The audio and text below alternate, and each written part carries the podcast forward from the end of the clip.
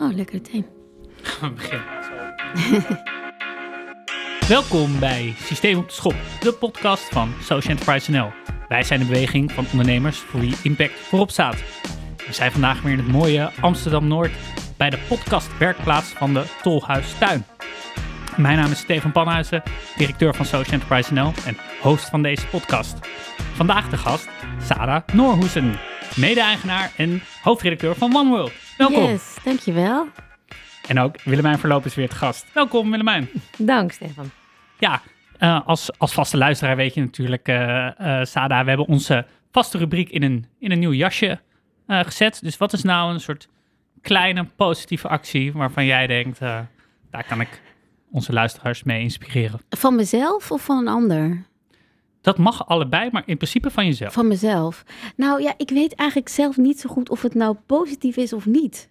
Maar. Gooi hem erin. Uh, ik, uh, het, film, het valt mij op, ik weet niet of het jullie ook opvalt, dat de laatste tijd weer veel meer dak- en thuislozen op straat, zichtbaar op straat zijn, laten we mm -hmm. het zo zeggen. Ze zijn natuurlijk altijd geweest, maar het valt mij in ieder geval op dat sinds de coronacrisis dat enorm is toegenomen, in mijn omgeving in ieder geval. Um, en er, is, er was een man die mij aansprak bij de, voor de Albert Heijn en, en die vroeg om geld voor overnachting volgens mij. En toen greep ik in mijn in mijn maar het was meteen een heel groot biljet wat eruit kwam. Zo'n soort toen, dilemma. Ja, en toen dacht ik, ja, hij heeft het nu al gezien. Ik kan het moeilijk terugstoppen, dus toen heb ik het maar gewoon gegeven. Dus ik weet niet wat hij ermee gedaan heeft. Maar ik dacht, nou ja, ik hoop dat hij in ieder geval een leuke dag of avond of nacht had. Maar ja, of dat echt positief is, dat weet ik niet. Want het feit dat hij in die situatie zit, vind ik eigenlijk al uh, niet. Uh, Klopt. En heb, je, niet heb je het magazine meegenomen? Nee, het was geen uh, daklooskrantverkoper. Ah, het was gewoon een man die voor de, gewoon voor de Albert Heijn stond. Die uh, ja, wa- waarschijnlijk dakloos is. Of dak- of thuisloos is. Ja, nee, dus ik heb niet mee... Het was geen, uh, het was geen dakloze krantverkoper. Nee, dan zou ik dat wel meenemen. Ja, want dat is iets wat ik wel belangrijk vind. Een, een aanvulling daarop. Als je een, een, een dakloze die om geld vraagt, altijd een magazine meegeven. Er is een soort een heleboel mensen die zeggen, de, en hou dat magazine maar. Ja, ja, En ja. daarmee help je de onderneming van de dakloze krant helemaal niet verder als die oplagen. Als je Oh, niet, dat, nee, Dus dat het- doe ik dus- nooit. dus nee, ik neem wel mee. de- het- dat zal jij als journalist niet zo snel voorkomen. Je zou waarschijnlijk Ja. nieuwsgierig genoeg zijn naar de Ja. content. Maar misschien Ja. voor de luisteraar. eh, de, de, de, de denkfout is te denken dat je ook iemand... eh, maar dan maak je eigenlijk een bedelaar van iemand als je alleen geld geeft. En als je iemand een krantje verkoopt, neem de krant dan ook mee. Ja, En lees hem liefst. Of Ja. geef hem weg, maar laat hem niet achter.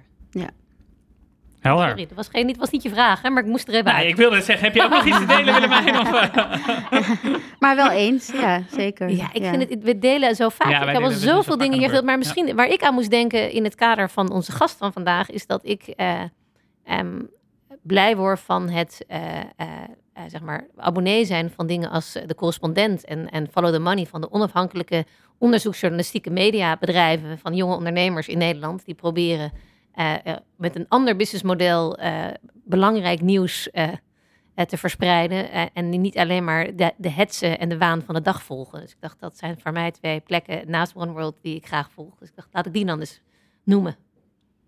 hartstikke goed. Goede ontwikkelingen, zeker. Ja. Ja. Ja, daar gaan we het uitgebreid, eh, gaan we het uitgebreid over hebben.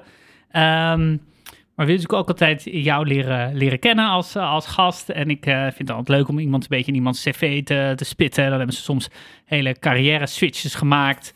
maar bij jou is het, was het best wel volgens mij vroeger duidelijk van... ik wil journalist worden.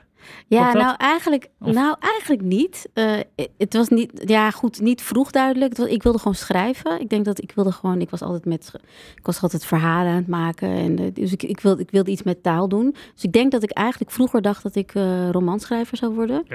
Maar ik dacht, ja, naar welke school ga je om romanschrijver te worden? Ik dacht, nou, dan kan ik letteren gaan doen of Nederlands of zo. Maar het leek me eigenlijk een beetje saai. En toen was ik een jaar, of, ik denk een jaar of 15 of zo. En toen kreeg je zo'n, weet je, wel, zo'n carrière dag op school. Ja, En met toen de kwam- decaan. Met de decaan, maar ook met oud-scholieren die zeg maar naar school kwamen te vertellen wat ze nu deden en, dan, en welke opleiding ze hadden gevolgd en zo. Toen was er een eh, klasgenoot van mijn oudste zus die, ehm, die ik al kende van de lokale televisie. En die zei van ja, ik heb de school voor journalistiek gedaan in Utrecht. Ik kende dat helemaal niet. Eh, of ik weet niet of ze, ja, of- ja, geloof Utrecht, want toen had je ook niks anders. Is best wel lang geleden. Hè? Ehm, ik ben niet heel jong meer. Eh, maar, eh, en toen dacht ik, oh, dat, is, dat kan dus ook nog. Dus je kan ook nog wel schrijven zonder dat je dat het een meerjarenplan is, zeg maar. Hè? Dus ik ben, ik ben, van, van nature niet, ik ben niet ongeduldig, maar ik ben wel iemand, ik moet wel dingen doen, zeg maar. Dus ik ben niet heel erg van de hele lange projecten. Dus ik dacht, nou ja, een boek is natuurlijk wel echt een commitment. En dit is eigenlijk een soort tussenvorm. Je kan toch schrijven. En ik had natuurlijk vanuit huis wel echt wel een, een uh, ja, rechtvaardigheidsbesef en maatschappelijk bewustzijn meegekregen. Waardoor ik dacht, nou, dat heeft iets meer impact om dan journalistiek te gaan doen dan, dan ja, fictie te schrijven. En de werkelijkheid is eigenlijk veel raarder dan fictie. Dus ik heb die fictie helemaal niet nodig. Ja, ja want het, het triggert mij wel Komt er, dan, komt er wel ooit nog een boek? Of uh, staat uh, dat nog op je wishlist? Nou, er is, een, er is al een boek ah, geweest, oh, maar dat was geen fictie. En dus er komt nog een boek aan, dat is ook geen fictie. Ik weet niet of ik voor fictie weggelegd ben. Ik denk dat voor mij echt de, de realiteit al bizar genoeg is. daar haal ik genoeg uit. Dus ja, ik denk dat jij echt wel een andere, een andere, in een andere mindset moet zitten om fictie te kunnen schrijven. Je moet echt, echt wel jezelf ook kunnen losrukken van de werkelijkheid. En dat kan ik niet zo goed. Nee, die werkelijkheid ja, bij mij drinkt dat het op in hoeverre, maar daar komen we waarschijnlijk later in de podcast op, in hoeverre je nog voldoende kan schrijven als je ook zo hard aan het ondernemen bent tegelijkertijd. Dus ja, nee, tegenwoordig, twee, uh, tegenwoordig niet meer. Nee, nee dus dat lijkt me, maar goed, daar komen we misschien, uh, dan spring ik waarschijnlijk weer meteen in het volgende onderwerp. Ja, nou, hetgeen, komen, komen zeker nog op, want uh, inderdaad, nou ja, als ik het kort volgens mij samenvat, na, na verschillende kranten langer bij Trouw mm -hmm. gezeten en daarna 2018 hoofdredacteur van One World geworden. Ja. En sinds een jaar. Uh, zeg ik dat goed? Ja. Mede-eigenaar van nu One precies een jaar. Ja. het is echt vandaag een jaar geleden dat wij de licentie-overeenkomst hebben getekend, uh, John Oliveira en ik. Misschien wel leuk om, om daar even mee te beginnen voordat we uh, ja, gaan wat ja. World eigenlijk wil bereiken. Ja, het is, best wel, het is best wel een raar verhaal eigenlijk. Of in ieder geval een beetje een het is een beetje een, een, een, een uitkomst die niemand echt had voorzien. Ik, ik zelf ook niet eigenlijk. Maar uh, ja, ik kwam dus gewoon in dienst als hoofdredacteur in 2018 nadat ik uh, best wel lang buitenlandredacteur was bij, bij Trouw. Uh, en columnist. En um, ik vond dat fantastisch, was een superleuke tijd. Alleen, ik had ook best wel een visie op journalistiek. Uh, ik, zag, ik zag wel, de, deze podcast heet Systeem te Schop. Ik zag ja. wel dingen binnen het journalistieke systeem, het mediasysteem, die ik uh, ja, vanaf die positie natuurlijk helemaal niet kon veranderen. Dus toen kwam deze functie voorbij en toen dacht ik, en heel, ik had hem zelf eigenlijk niet gezien, maar heel veel mensen zeiden, ja, dit moet jij doen, dit moet jij doen. En ik dacht echt... Dat goed teken, toch? Ja, Als, uh, ja, en wel van verschillende kanten. En ik had zelfs iets, ik had mezelf eigenlijk nooit echt in een leidinggevende positie voorgesteld. Zo zie ik mezelf eigenlijk niet in die zin denk dat heel veel vrouwen daar best wel uh, last van hebben om zichzelf niet zo voor te stellen. voorbij komt in andere gesprekken. Willen mij ja. een idee over? Ja. ik dacht, ik hou eens een keer mijn mond. Ja, ja, ja. ja. nou ja, dus het was denk ik... Eh, maar in mijn geval was het ook wel een beetje... Ik ben, ik ben best wel een... Uh, ja, hoe moet je dat zeggen? Ik ben, ik ben best wel een solist. Ik ben best wel iemand die... De, en als je het leidinggevend bent, moet je natuurlijk eigenlijk heel erg hè, andere mensen op sleeptouw nemen. En ik was natuurlijk heel erg gewend om mijn eigen toko te runnen... om die Afrika-portefeuille te doen bij One World of bij, uh, bij Trouw. En ja, dan doe je gewoon een beetje je eigen dingen. Je hebt een paar correspondenten met wie je, die je moet, met wie je moet dealen, maar dat is het dan ook. Um, en, uh, maar goed, uh, ik dacht van ja, dit is wel een interessante titel. Want die, ik zag al dat OneWorld een, een uh, transformatie aan het doormaken was. Het was natuurlijk een blad over de ontwikkelingssector. is gesubsidieerd. Nou, toen zouden ze dus helemaal stoppen met die subsidie. Dat vond ik aantrekkelijk. Want ik zat zelf niet in een gesubsidieerde vorm willen werken, denk ik. dat, dat, ja, dat, ik denk dat dat toch beperkend was geweest. Ja, en leuk. Voor, denk ik interessant om uh, later ook nog wat te... Ja, ik denk als voor de journalistiek denk dat het wel, dat het wel uh, invloed had gehad. En ik, maar ik had het, ja, laat ik het ook zo zeggen. Ik denk dat ik het me niet had kunnen hm. veroorloven. Uh, mensen zoals ik worden al vaak beticht van subsidieslurp. En ik terwijl, dat werd al gezegd tegen mij toen ik hoofdredacteur werd, terwijl ik de subsidie al gestopt was, zeg maar. Um, en mensen zoals ik? Ja, Sorry, mensen zoals ik. Um, nou, uh, uh, mensen die. Uh, het heeft denk ik meer lagen die beticht worden van linkse hobby's. die aan het link, de linkerzijde van het spectrum zitten, die een migratieachtergrond hebben, die vrouw zijn. Um, er zijn allemaal ideeën over dat wij door een soort uh, um, George eh, Soros-achtige constructie in de lucht worden gehouden of zo. Hoe absurd. Nou, ja. Sorry, ik kan ja. heel boos over maken. Maar nou, ik, heb, ik geloof je ogenblikkelijk. Maar nou, het, heeft, heeft, zelfs toen ik al in dienst was, heeft er een heel bizar stukje in de uh, quote gestaan. Wat ik ook al best gek vond dat wij daarin uh, voorkwamen. Maar er stond een stukje in over dat wij door goldsmeding werden gesubsidieerd. Wij hadden nog nooit van die man gehoord. Wij hebben ook nooit... Ik had het gewild, maar het was niet zo. Daarna naar de foundation gegaan. Ja, het, zijn, ja, het staat hier, dus waar is mijn geld? Maar nee, maar, de- maar de, nee, dus dat zijn allemaal van die ideeën. Dus eh, daarom zeg ik, ik zou het me, ik zou het me niet kunnen veroorloven om, om een ges- is- gesubsidieerde zeg je daarmee- baan te hebben. Ja, en, en je zou het je niet kunnen veroorloven omdat je heel graag tegen dat vooroordeel wil strijden? Of ook omdat je gewoon Nee, fijn vindt om te ondernemen? zeker. Nee, dus nou, ik ben natuurlijk nu ondernemer, maar ik had het zelf. Het het heeft meerdere redenen. Dus ik, had, ik denk dat ik het eh, journalistiek gezien, dat ik dan eh, me niet vrij had gevoeld. Ik weet niet of het in de praktijk ook zo was, want ik was er niet bij, hè, die periode. Maar ik weet wel dat er een paar incidenten zijn geweest in, in, bij mijn voorgangers. Bijvoorbeeld, eh, morgen komt er een groot interview eh, van, eh, met mij en, en de vorige hoofdredacteuren van de afgelopen tien jaar. Want Warmot bestaat morgen ook nog eens tien jaar. Ja, en voor de, de, de luisteraars horen deze podcast als dat eh, als ongeveer vorige week was. Ja, vorige maar. week. Sorry. Dus, eh, het staat voor, sinds ja. vorige week. Maar dit jaar, zeg Ja, maar. Dus in ja. 2011 is het eigenlijk 2020, opgericht. Eh, dus ik heb dus een interview met de voorgangers. En toen hebben ze wel bijvoorbeeld verteld, eh, en dat weet ik zelf ook nog wel, dat er een incident was met ehm, een, een column die eh, Hand en Broeken niet beviel. Dat was voormalig VVD-Kamerlid. En die ging daar toen eh sche- stennis over schoppen. En die vond dat de subsidie moest worden ingetrokken. Dus dat soort dingen, weet je wel. Nou ja, dus je te wordt dan op, de, op Bu- Buza. eh, Precies. is, eh, ja, en dan niet, wordt, eh, het een, wordt het een issue, zeg maar. Dus ik, ik, ben, ik was zelf blij dat die subsidie was opgehouden.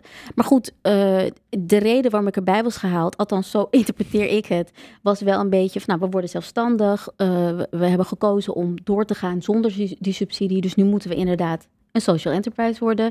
Eh, en dus moeten we aan onze positionering gaan denken. Eh, ik had zelf het idee, het moet veel meer smoel krijgen. Warmond is best wel gevestigd, maar dan bij een nichegroep. Maar het moet een bredere titel worden. eh, en we mogen veel meer naar de moderne tijd. En, en scherp, die transformatie was al doorgemaakt door, door Lonneke van Genuchten en Hans Ariens.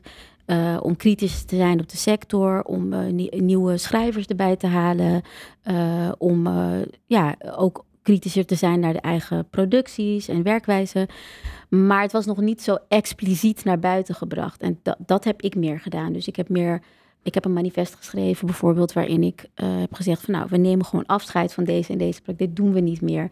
Eh, en ik heb gebroken met een aantal journalistieke tradities, zoals zeggen dat je neutraal bent. Ja, volgens mij bestaat dat niet. Niemand is neutraal. Nou ja, daar kan je maar beter transparant over zijn. Nou ja, en dat soort dingen. Dus dat is meer, dat hebben we meer expliciet gemaakt. En we hebben denk ik iets veel, de boel wat urgenter gemaakt. We hebben meer statements eh, eh, gemaakt, standpunten ingenomen rond taalkwesties en dat soort dingen. En dat heeft eh, nou, uiteindelijk eigenlijk een hele hoop opgeleverd in, ja, in, in profilering en naamsbekendheid en groei. Ehm, maar het mocht niet baten, want eind 2020 eh was Ja, natuurlijk even een naar dat, jaar. naar dat ja. transitiemoment, om Ja. het zo maar te zeggen. Uh, Eh, Want- toen, eh, toen wat bleek toch dat eh, ja, het businessmodel eigenlijk niet houdbaar was. Wij, wij maken een heel duur product. eh, toen nog tien keer per jaar een blad. Nou, dat kost heel veel geld, kan ik je zeggen. Ik weet precies hoeveel dat kost.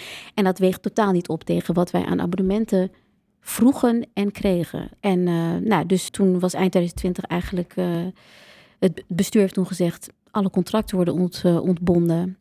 Ook die van mij. We beginnen opnieuw met een heel klein clubje. Ehm, en eh, dan kijken we wel met wie we dat gezegd, we doen. beginnen opnieuw. Er werd niet gezegd van, Maar de digitaal, digitaal, uit. alleen digitaal, ja. dus geen blad meer. Nou, en dat vond, vond, dat vond ik niet per se heel erg. In die zin van, ik dacht, digitaal groeien we ook het hardst eigenlijk. Maar eh, je merkte toch dat de meeste abonnees waren mensen die toch dat blad wilden. Ehm, en dat was, dat is toch een beetje het kroonjuweel, weet je wel. Maar daarna kwam eigenlijk het nieuws, nee, we gaan eigenlijk verder met een eh, externe partij. Een investeerder heeft zich gemeld en die wil de boel overnemen. En toen dacht ik, nou, wacht even, ik ga even kijken wie dit is. Dacht ik, dit vind ik volgens mij niet zo passen bij wat we tot nu toe Als ik hebben nu vraag opgebouwd. wie dat was, dan kan je daar natuurlijk geen antwoord nee, op geven. dat ga ik niet doen. Nee, dat ga ik niet doen. Eh, nee, ik denk iemand die heus wel, eh, ja, die het heus wel interessant vond om, om te ondernemen en warm wat uit te geven. Maar ik dacht, nou oké, als dat zo is, dan vind ik eigenlijk dat je, want het is een stichting, hè, dus het is eigenlijk van niemand. Dus ik ben ja mede-eigenaar niet echt. Ik ben eigenaar van de licentie, Ja. zeg maar, of mede-eigenaar van de licentie. Maar ik, ik vond, dan, dan moet je het ook, oh, gooi het open. Dan zorg dan dat, ga ook met andere uitgevers Ja. praten. Ga, eh, en ik wil zelf eigenlijk ook een kans maken om, om dan de boel over te nemen. En toen is een soort, soort ja, schoonheids... eh, John noemt het altijd beauty contest geweest. Maar het is gewoon hebben gewoon plannen neergelegd en, en eh, zowel zakelijk als, uh, als meer visie op de inhoud. En toen hebben ze besloten om met ons verder te gaan. En toen, heb, heb ik toen was ik van, zeg maar, contract ontbonden tot oké, nu heb ik een bedrijf opeens. Ja. en, ja. en zit die stichting er dan nog steeds boven? Dus je opereert onder nou, hetzelfde... niet boven. Uh, de stichting, het is eigenlijk nu, ja, het is best wel ingewikkeld. Het is een beetje drie traps. Dus je hebt een raad van toezicht, uh, waar voorheen een bestuur was. Uh, je hebt de stichting en dan heb je het bedrijf van John en mij... dat eigenlijk de hele, alles exploiteert wat onder de titel OneWord valt. En de stichting is, dus wij zijn, is eigenlijk onze opdrachtgever ook, zeg maar. Zo moet je het zien. En die geeft je wel de vrijheid. Dus je bent wel als ondernemer daarin vrij. Het is alleen dat je onderneemt onder een stichtingsconstruct. waar, precies. Dat hebben ze neem ik aan ook vastgehouden door het verleden. Het precies. verleden waar precies, de, de brand in is opgebouwd. Ja.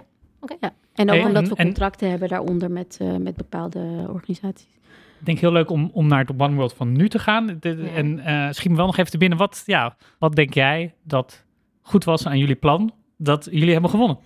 En, en we gaan later denk ik ook nog even over John, uh, John ja. Oliveira hebben. Um... Um, ja, wat er goed was aan ons plan is denk ik dat het enerzijds de zakelijke kant John heel scherp had. John zat al in mijn redactieraad. Okay. Uh, twee jaar daarvoor had ik hem, ik ken hem eigenlijk niet. Dat is heel interessant. Want ik heb hem gewoon uitgenodigd bij de redactieraad omdat ik zag dat hij, uh, ja, hij, hij is eigenlijk business consultant in de media. Al, al heel lang. En uh, ik vond dat hij heel scherp was op um, de kleine tweaks die nodig waren om de boel op een simpele manier te verbeteren. Dus hij kan op een hele, uh, hij kan heel helder kijken naar wat er ergens aan schort. Dus hij zei van, nou, wat ik zie is dat OneWorld eigenlijk een scheef. We hebben een hybride businessmodel. Dus het is, we hebben enerzijds hebben natuurlijk de abonnees, we hebben de uh, vacaturebank. Dat is, uh, die bestaat eigenlijk ja, al langer. Ja, dat is echt de klassieker in de dat duurzame is klassieker, precies. Ja, ja, ja. wereld. Ja. Dat, dat is uh, daar zijn we ook trots op. Het ja. is ook echt een solide en belangrijk onderdeel van onze inkomsten. Uh, en dan hebben we nog een partnernetwerk. En dat loopt eigenlijk een beetje, uh, dus een beetje overlap met de facturenbank. Want je kan dus ja. ook als, als bedrijf of organisatie, en dat zijn inderdaad heel veel sociale ondernemingen uh, in de groene sector of in de, in de NGO-hoek, die eigenlijk ook een abonnement bij ons afnemen. En dan kan je factures plaatsen, maar ook partnerberichten. En je kan dus eigenlijk gebruik maken van ons platform.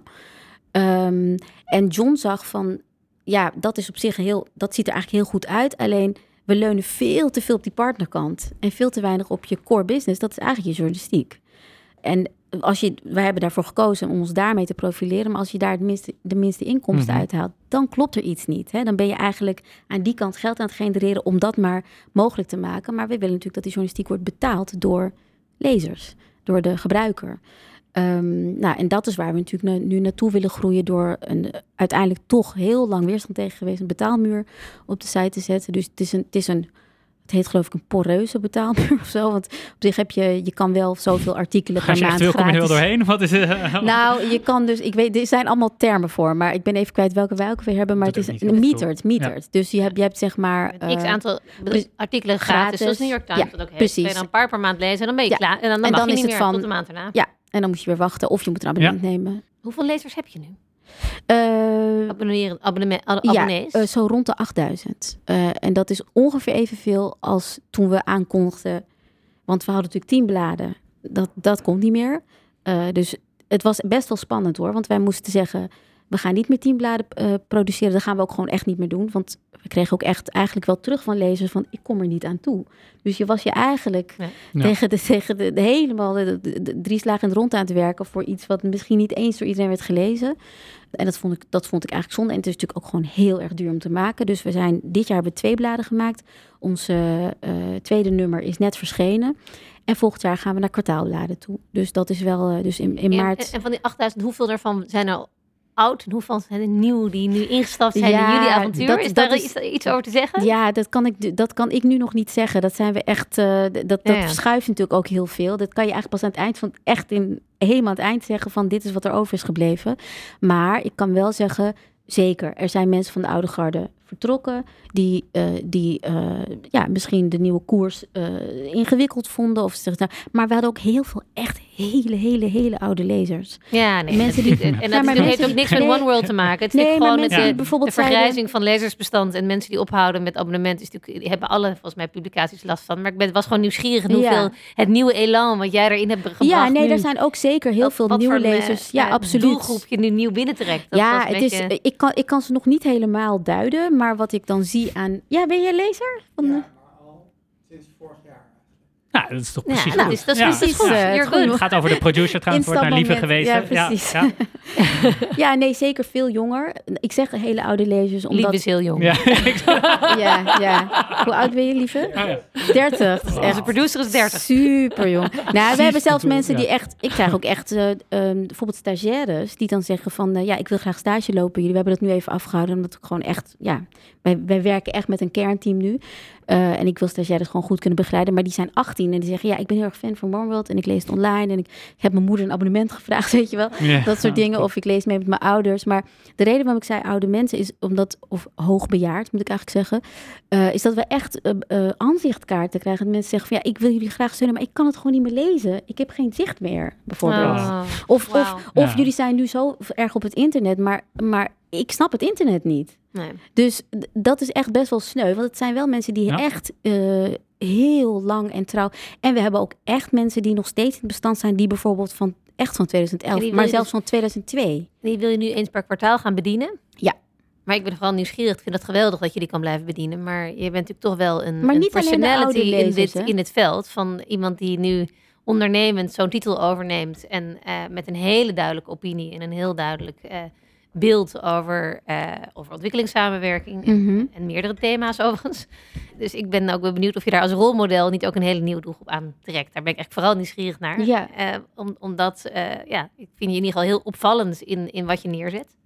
En ik hoop dat dat ook wel weer nieuwe mensen naar dit domein toetrekt. Ja, nee, dat gebeurt zeker hoor, absoluut. Dus daarom zeg ik ook, er zijn mensen weggetrokken, maar er zijn ook heel veel mensen bijgekomen. Dus daarom is, die balans, is het niet zo uit balans ge- geslagen, omdat er heel veel aanwas is geweest. Alleen ik kan niet hier nu beweren dat ik precies weet wie dat zijn.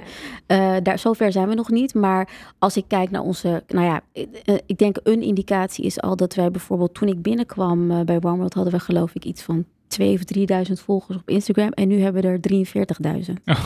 Dus dat zegt wel iets. ja. Dat Ja, en dat zijn natuurlijk jonge gebruikers over het algemeen. En eh, het komt echt uit alle hoeken. Je, we hebben natuurlijk best wel een. Het zijn mensen die natuurlijk, ik denk in de kern progressief zijn, zo zou je ze misschien kunnen noemen.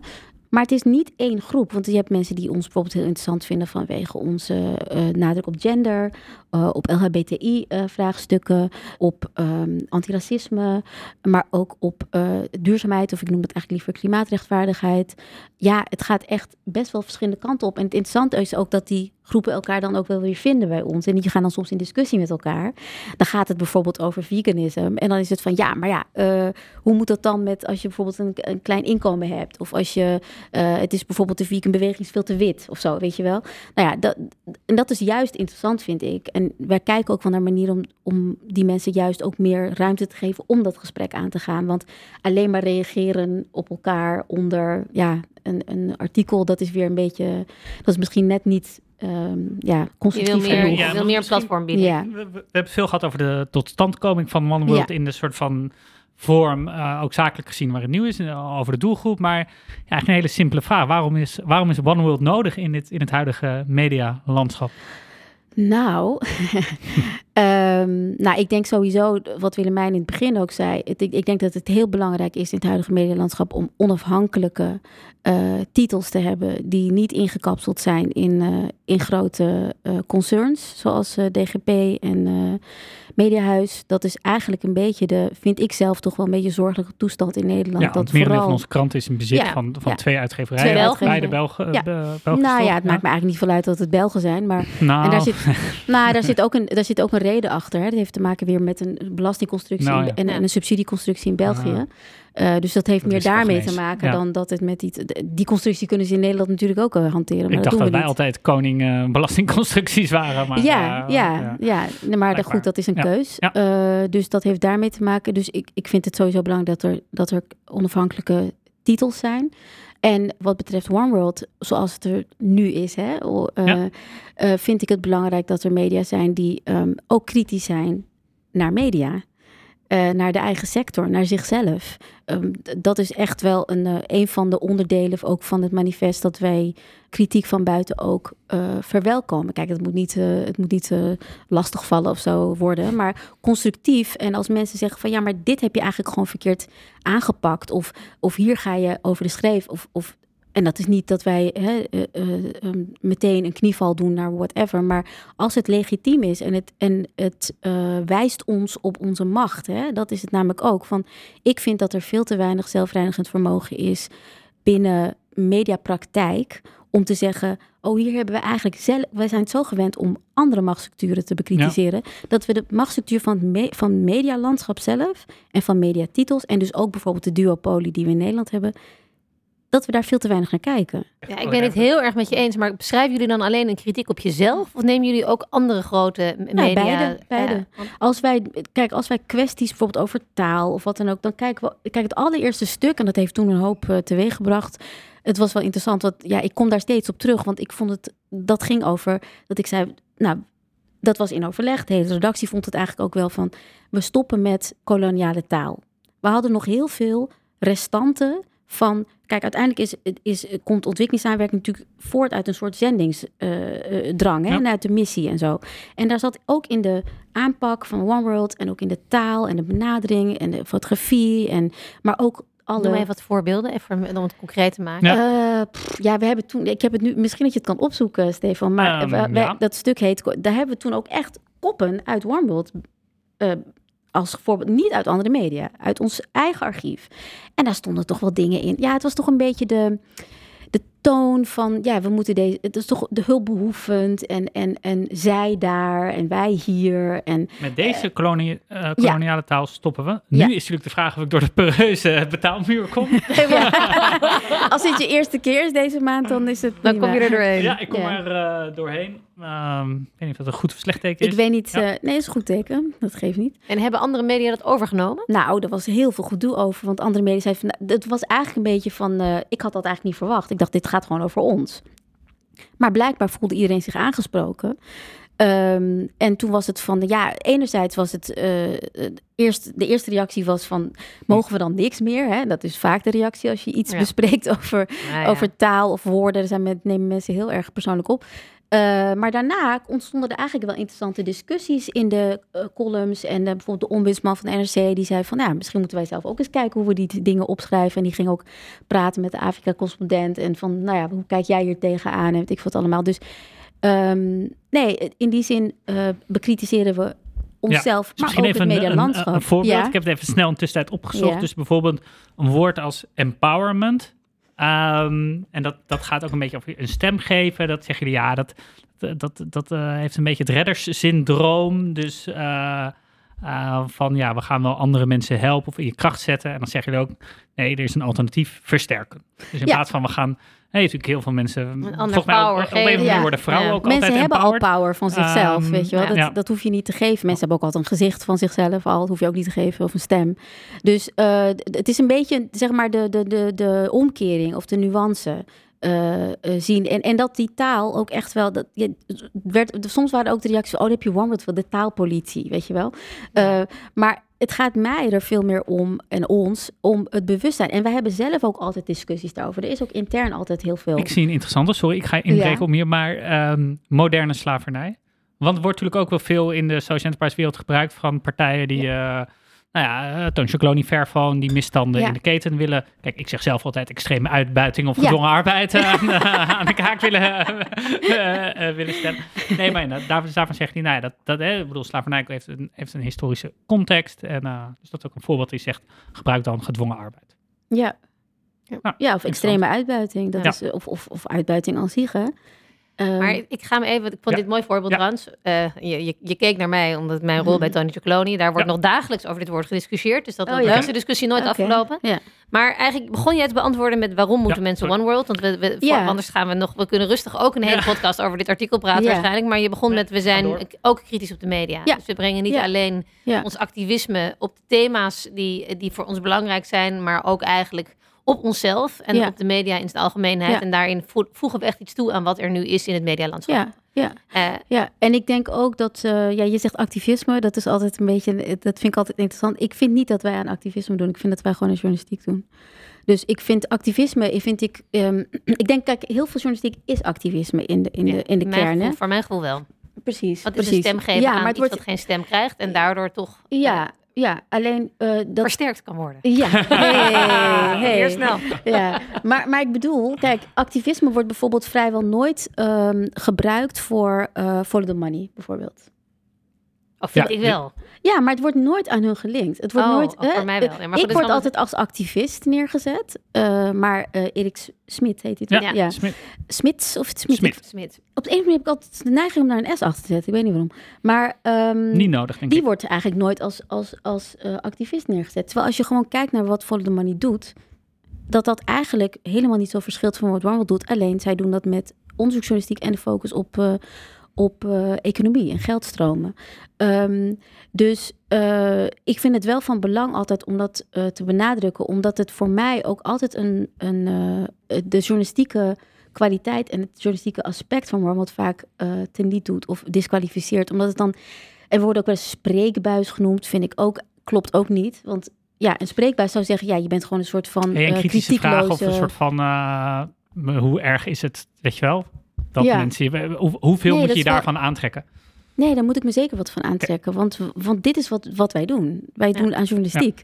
Wij, doen, wij doen ook niet. Wij hebben ook geen andere regels dan andere Nee, maar je journalistieke begint te zeggen titels. met we zijn niet neutraal en we nemen Nee. wel positie in. En, en, en misschien is dat wat ik bedoel te zeggen. Eh, Ja. Je pretendeert ook niet neutraal te zijn. Nee. Je, je wil posities innemen om bepaalde dingen te kunnen onderzoeken en Ja. over te kunnen rapporteren. En Ja. in- dat is misschien in mijn, in mijn vocabulaire woord, daar pak ik daar het woord activisme in, maar ik begrijp wat je zegt. Ja, ja. Maar Ehm, al die anderen maar- zijn ook niet neutraal. Hè? Dat, dat nee, is dat, eigenlijk weet- mijn dat punt. weet ik. Maar het is niet iedereen Telegraaf, neemt niet neutraal. Nee, maar het, eh, eh, het openlijk zijn over wat voor positie je inneemt Ja. op bepaalde thema's, eh, daar is de ene wel wat ste- stevig in. Sommigen pretenderen neutraal te zijn, terwijl ze het niet zijn. Precies. En dat vind ik juist precies het, ma- het manco. Weet je wel? Dat vind ik juist jammer. Ik denk dat je beter, maar beter met open vizier eh, kunt opereren. En dat is eigenlijk bijvoorbeeld in buitenlandse media al veel logischer. Hè? Bijvoorbeeld de New York Times geeft gewoon stemadvies. Ja. Dan weet je gewoon, nou, als ik deze krant lees, komen ze vanuit die politieke hoek. Eh, Ik zeg niet dat we die kant op moeten hoor, maar het is wel interessant hoe dat in Nederland altijd heel erg... Journalisten hebben geen mening en ze, ze bestaan eigenlijk niet als mens of Je als mag niet burger. weten waar ze op stemmen. Precies, Ja. dat is allemaal heel geheimzinnig. Terwijl ik denk, ja, waarom, waarom eigenlijk? Ik wil even nog een stap naar je ondernemerschap terug. Want anders Ja. gaan we de, de, hier De we- journalistiek in. Ja, en dat vind ik superleuk. Maar ik vind het ook bijzonder, denk ik, en ook eh, hoe jij nu als ondernemer dat systeem op de schop wil nemen. Want daarmee neem je eigenlijk een andere positie dan daar alleen over schrijven. Maar je Ja. trekt een heel. En waar zit voor jou nou als mens het grootste verschil tussen het schrijven als hoofdredacteur en het nu een, dezelfde licentie hebben? En, Ja. en is Ja, een, waar- ik ben het eigenlijk verschil? nog heel erg aan het ontdekken. Hè? Want het is zeg maar nu, ik ben eigenlijk maar één in dat geval. Dus ik ben, het is een jaar geleden begonnen. Dus dat was voor mij natuurlijk allemaal. Ik, ik was heel lang gewoon in dienst bij allerlei titels. Ook bij One World. En van de een op de andere dag was ik ondernemer, inderdaad. En dat is echt wel een mind, mindset die je moet aanzetten, zeg maar. Dat is voor mij echt wel. ehm, gaat niet vanzelf. Eh, ik moet ook soms. Ik was nog heel erg in werknemersmode. Terwijl ik was natuurlijk werkgever geworden en ik was ondernemer. Dus ik heb dat, daar van John veel van geleerd. Van hoe je gewoon over je tijd besteden. Over waar je nadruk op legt. Op, ehm, ja, en wat het grote verschil is, is dat. Kijk, ik was natuurlijk al wel leidinggevende en directeur, officieel eh, inhoudelijk directeur. En dus ik had al wel mensen onder me. En, en ik moest ook, ik, was, eh, ik was manager, zeg maar. Dus in die zin is dat niet veranderd. Maar eh, nu is het interessant om te zien van aan welke knoppen je kunt draaien. En hoe je dingen aan en uit kunt zetten. En hoe je, ja, je bent eigenlijk veel vrijer in het inrichten en organiseren van je werkwijze. En van hoe je met je team werkt. En, hoe, en welke vrijheid je je team weer geeft. Om, eh, dat ik, soms bellen ze me wel eens van, ja, ja, diegene wil zo en zoveel meer. Dan zeg ik, ja, je hoeft mij daar echt niet voor te, te. En vroeger wat dacht ik van, ja, daar moet ik natuurlijk ook over na meedenken. En dacht ik van, nee, dat, dat is... Dat is eigenlijk, weet je wel, dat zijn allemaal een beetje van die details waar je dan eigenlijk niet meer mee bezig kunt zijn ook. Eh, en wat ik vooral ook interessant vind, is dat ik nu natuurlijk heel goed moet nadenken over de inhoud versus de conversie. Hè, dat was ik, natuurlijk- Ja. was ik natuurlijk al wel best wel mee bezig, maar nu veel Conversie directer. als in van, ja, gaan mensen het lezen? Gaan gaat dat mensen extra lezen? Gaan abonnees, mensen abonnees eh, worden? eh, Ja, ja. aantrekken? Ja, Ja, tuurlijk. Dat een is, eh, ik zit nu, ja, dus ik heb eigenlijk ook een beetje, nou, clickbait, Ja. daar doen we niet aan. Eh, althans, dat willen we, dat, daar je willen kan- we niet aan doen. Je kan online wel veel beter zien welke content aanslaat en, Ja. en wie Tuurlijk, wat leest. tuurlijk, En, en dat ja. geeft je natuurlijk ook wel een indicatie op waar je Ja. ja. Nee, zeker. En dat, dat- en dat, bewegen. ja, dus, dus het is eigenlijk heel, het is, het is heel belangrijk. Maar ik bedoel, ik probeer weg te blijven van clickbait. maar Nee, flauw Maar je merkt wel bijvoorbeeld dat, dat zeg maar de, de persoonlijke verhalen, de mensen. eh, wij, wij, wij maken natuurlijk best wel eh, soms ingewikkelde eh, eh, artikelen. En als je het menselijk maakt en je brengt het terug tot een persoon, dan, dan ja, is dat veel toegankelijker voor, voor heel veel Wat is een mensen. artikel afgelopen jaar waar je denkt, ja, daar ben ik echt trots op. En daar is een soort van, daar komt dat nieuwe One World en mijn rol daarin tot volledige wasdom. Eh, waar, ik heel, ja, waar ik heel trots op ben, is een, eh, een verhaal van. eh, dat is gemaakt door eh, Roxanne Soedagar. Zij is iemand die als stagiair bij mij binnenkwam. En die zei ook van. ze was barvrouw toen.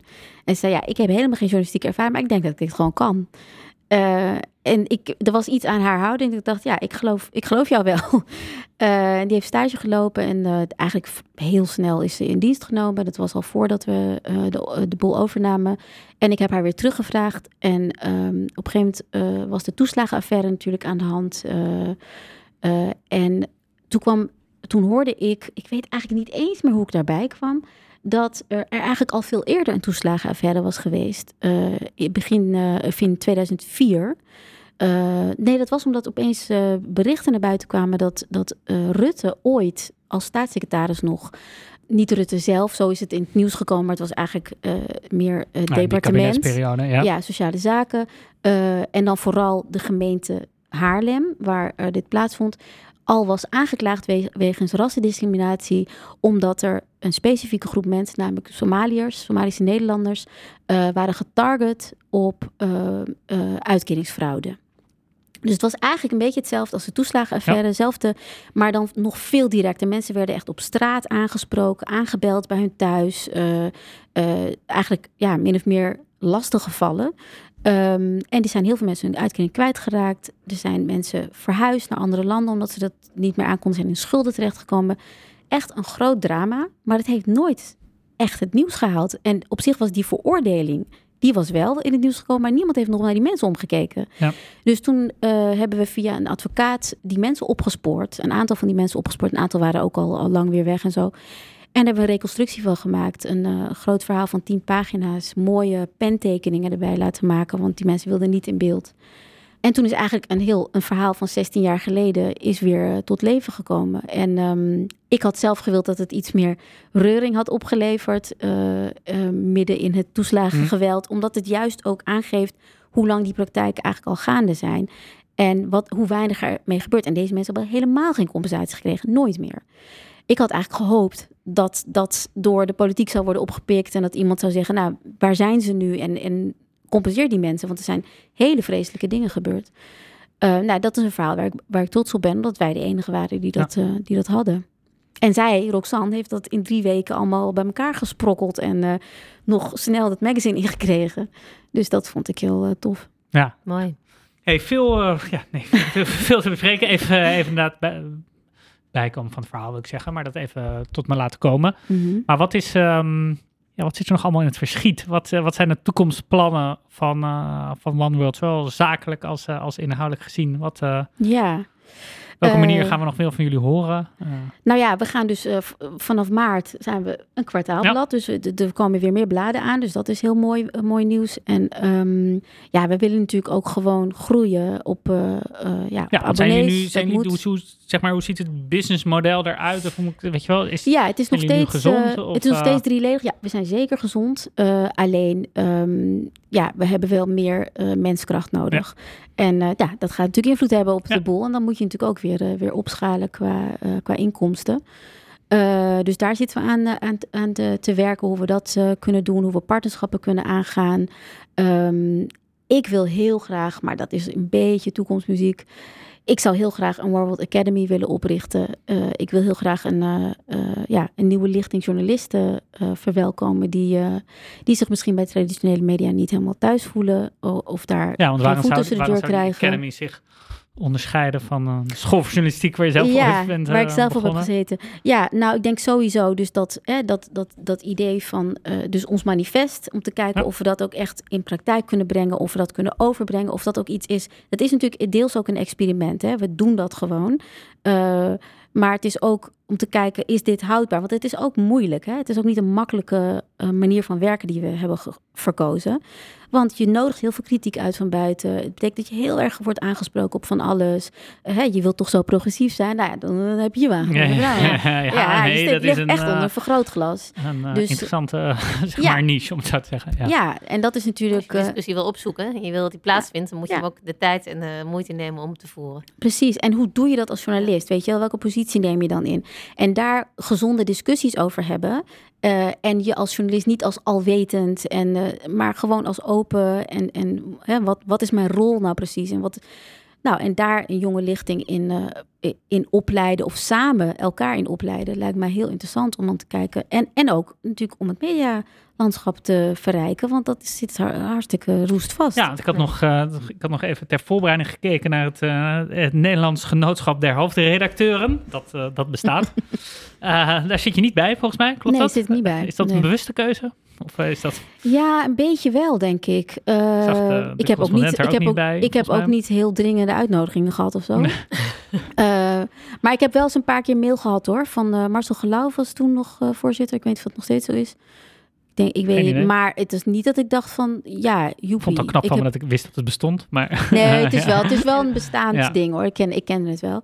Eh, maar ja, het zijn inderdaad voornamelijk witte mannen die daar zitten. En wat zou je hen, en dat is een beetje ter, ter afronding ook, hè, wat zou je hen meegeven als ze zeggen, nou kom op onze, weet ik veel, nieuwjaarsreceptie spreken. Vertel ons nou eens één keer goed de waarheid. Oh, Stefan. Of ik, weet een ik, weet of ik, ik weet niet of ik daar zin in heb, Oké. eerlijk Nou, gezegd. Nou ja, weet je, ik, ik ben... het hoeft ook niet. Nee, ik waak er zelf-. Je bent het een eigen onderneming begonnen. En ja, en dus, dus je bent iets zelf aan het neerzetten. Dus het- Ja. het- hoeveel eh, systemen wil je tegelijkertijd aanvallen? Ik, nou, eh, niet aanvallen, maar ik, ik Ik denk durf van... het woord activi- activist niet meer te gebruiken. maar- Ik val ook- heel de, ik de woorden te zoeken. Ja. ik val ja. ook niemand aan. Nee, kijk, weet je, ik bedoel, ik zie mezelf niet een gezellige avond hebben met de hoofdredacteur van Telegraaf. Het spijt me zeer. Nee, Eh, zij doen dingen waar ik echt tegen ben, waar ik echt pertinent tegen ben. Ja. Dus nee, ik ga mezelf niet in die omgeving positie, eh, ja, plaatsen. Maar Ja, wat ik belangrijker vind, is, ehm, eh, is dat ik ook niet er ben om grote, machtige mediabedrijven eh, te onderwijzen. Als zij mijn advies willen op dingen, dan ben ik te bereiken. Maar dat kost gewoon geld en Ja. tijd. En ik ben niet, ja, ik ben niet gratis. Dus ja, als je consultancy wil, dan eh, Dan kunnen weet we me te praten. vinden. Ja, maar eh, nee, ik ga niet eh, op een av- mijn, mijn vrije avond besteden aan mensen overtuigen die misschien helemaal niet overtuigd willen worden. Dus. Heel terecht. Helder. Nou, mochten ze luisteren, het genootschap. Het genootschap klinkt heel eng. Je kunt zich laten adviseren. Ja, precies. ja. Hey, En- eh, ja. Of eh, Willemijn, jij kijkt me aan. Ja, nee, wil ik kijk me aan. Ik denk dat er nog Ja, honderd vragen ja. te stellen. Maar volgens mij eh, eh, zijn we door onze podcast Ja, tijd jeetje, heen. dat ging snel. Dat ging heel Jij snel. praat Ja. veel, hè? Ja. Sorry. nou, En je vertelt er hele mooie dingen en dan vertel je nog even een tussenverhaal en nog een tussenverhaal. sorry, en ja, dan blijf je keurig in je lijn. Maar het is wel leuk. Je, komt, je gaat op een soort avontuurlijk pad als jij een antwoord geeft.